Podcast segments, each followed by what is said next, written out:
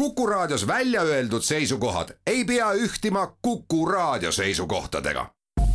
Te kuulate Kuku Raadiot. loodusajakiri, vaata ka looduseajakiri.ee.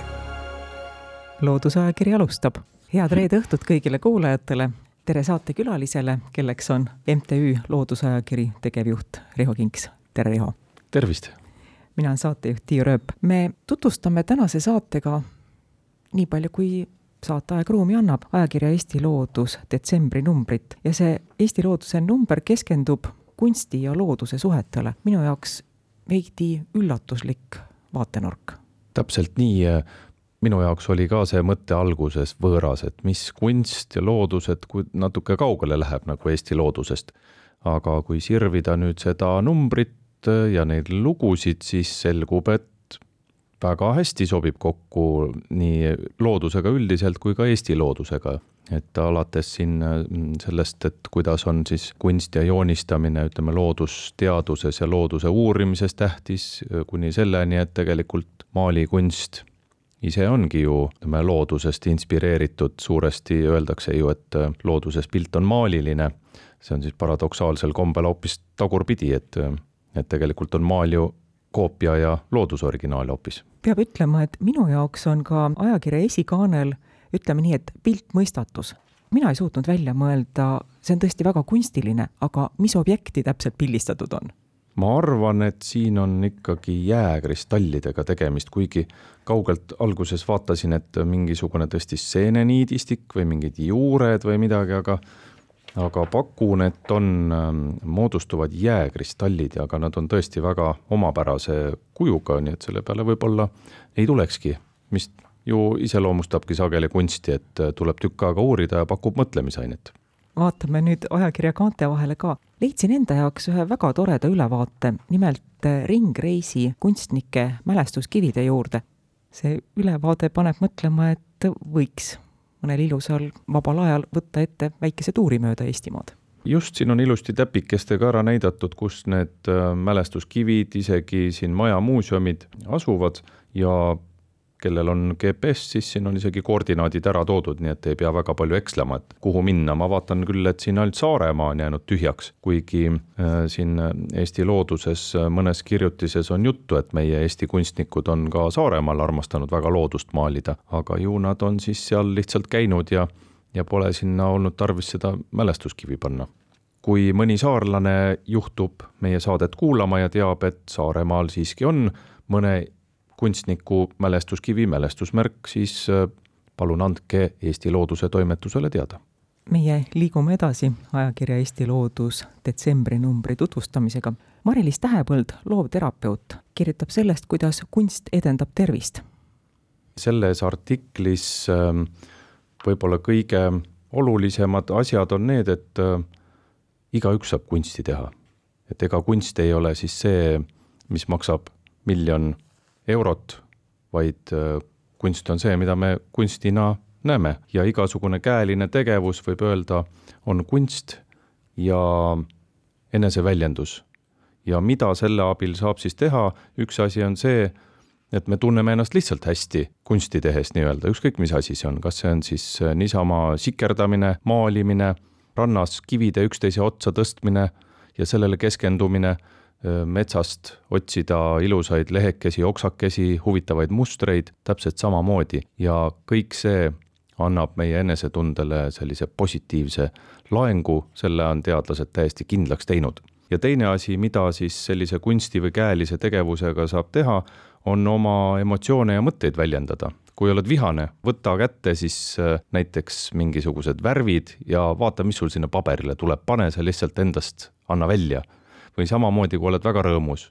samamoodi võta kätte, sa saad seda jagada, kui sul ei ole teist inimest, kellega seda rõõmu jagada, siis pane see paberile mis sul parasjagu sealt käest välja tuleb, täpselt seda teegi. ja siin on väga toredad soovitused ka selle jaoks, kui on näiteks äh, stress, mis on ju väga tavaline, eriti enne jõule on väga kiire aeg ja kipub see stress peale tulema, siis üks hea moodus on sikerdamine. ma ei teadnudki, et selline sõna päriselt olemas on, arvasin, et see on mingi slängisõna, aga aga siin on ka öeldud, et sikerdamine ehk siis võtad lihtsalt paberil lehe võtad pastaka või suvalise kirjutusvahendi ja, ja sodid lehe lihtsalt suvaliselt täis, teed lihtsalt risti-rästi jooni või ringe või mida parasjagu käsi ise teha tahab. ja siis hakkad neid tühimikke, mis joonte vahele tekkisid, hakkad ükshaaval täitma, teed ühe ruuduliseks, teise teed jooneliseks, kolmanda täpiliseks, siis värvid ära, nii edasi, nii edasi. mina olen seda küll teinud äh, ka väiksena vihiku servale, kui oli igav koolitund. mina tegin seda ka ülikoolis mõnes loengus. seda igal juhul äh, soovitan teha, olen ise proovinud, on väga tore, rahustav tegevus. ja kolmas äh, selline äh, soovitus, väga hea, mille peale ma pole tulnud, aga on geniaalselt lihtne. kui me täidame oma kalendrit, paneme sinna sünnipäevad, jõulud, kohtumised, koosolekud, kellelegi küllaminekud, aga pange sinna kirja ka kohtumine iseendaga. Üks tund näiteks nädalas.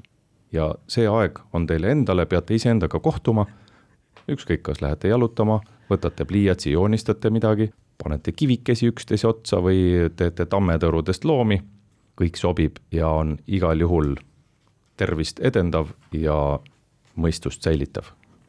järgmiseks leiab ajakirjast Eesti Loodus käitumispsühholoogia professor Peeter Hõraku mõtiskluse, kuidas on kunst ja looming evolutsiooni käigus tekkinud, kas loomad ja taimed teevad kunsti ja seda lugedes saan ma aru, et meie tavainimesed vaatame inimeste käitumist hoopis teise pilguga kui käitumisökoloog. kui tavainimene näeb, et ütleme, et segadusse viiva kunstiteose eest makstakse hiigelsuur summa, siis me mõtleme, et, et see inimene lihtsalt on ja raiskab. aga käitumispsühholoog ütleb, et tegemist on ausa signaaliga, et sellel inimesel on parasjagu just täpselt selline hulk vaba raha ja Peeter Hõrak, selle loo autor, toob siin välja veel ühe sellise huvitava hüpoteesi. kui me vaatame näiteks päikeseloojangut, vaatame linde, loomi, mis on siis fotode peal või maalitud, osa neist tundub meile ilus, osa tundub kole ja teadlased on siis leidnud, et meile geneetiliselt kasulik on see, mis on ilus ehk siis sellepärast meile ilusad asjad meeldivad, et see on meile aegade jooksul sisse juurdunud, et ilusad asjad on head ja koledad asjad on halvad ja ohtlikud. nii et see on üks selline huvitav hüpotees, kui me teinekord pilte vaatame, et kui on kole, siis seal on mingid ohtlikud asjad peal ilmselt meile alateadlikult järgmiseks vaatleb Urmas Tartes loodusfotot kui kunsti ning alati, kui mingitest mõistetest räägitakse, siis tuleb ka kokku leppida selle mõiste tähendus. kui me praegusel ajal mõtleme kunsti peale, siis me ei mõtle sellest nii, nagu näiteks antiikajal, kui matemaatika oli kunst, aga maalikunst liigitus hoopis käsitööks. ja, ja siit siis Urmas kirjutabki, millal, millal sai fotograafiast kui algselt tõe kriteeriumist kunst.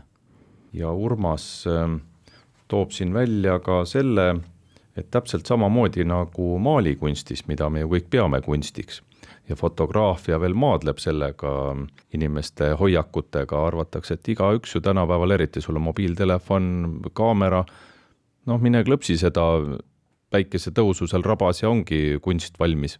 aga tegelikult, kui me vaatame noh, kakskümmend päikesetõusu ära, päikesetõusu pilti ja siis me näeme ühte, mis meile sealt teistest esile tõuseb, siis võib arvata, et see on nagu kunst ja teised on sellised lihtsalt klõpsakad, nii et tegelikult on vahe küll, kui samast objektist teeb siis pilti selline väga hea silma ja käega loodusfotograaf või ise klõpsime, et tulemus siiski võib märgatavalt erineda, olen ise märganud.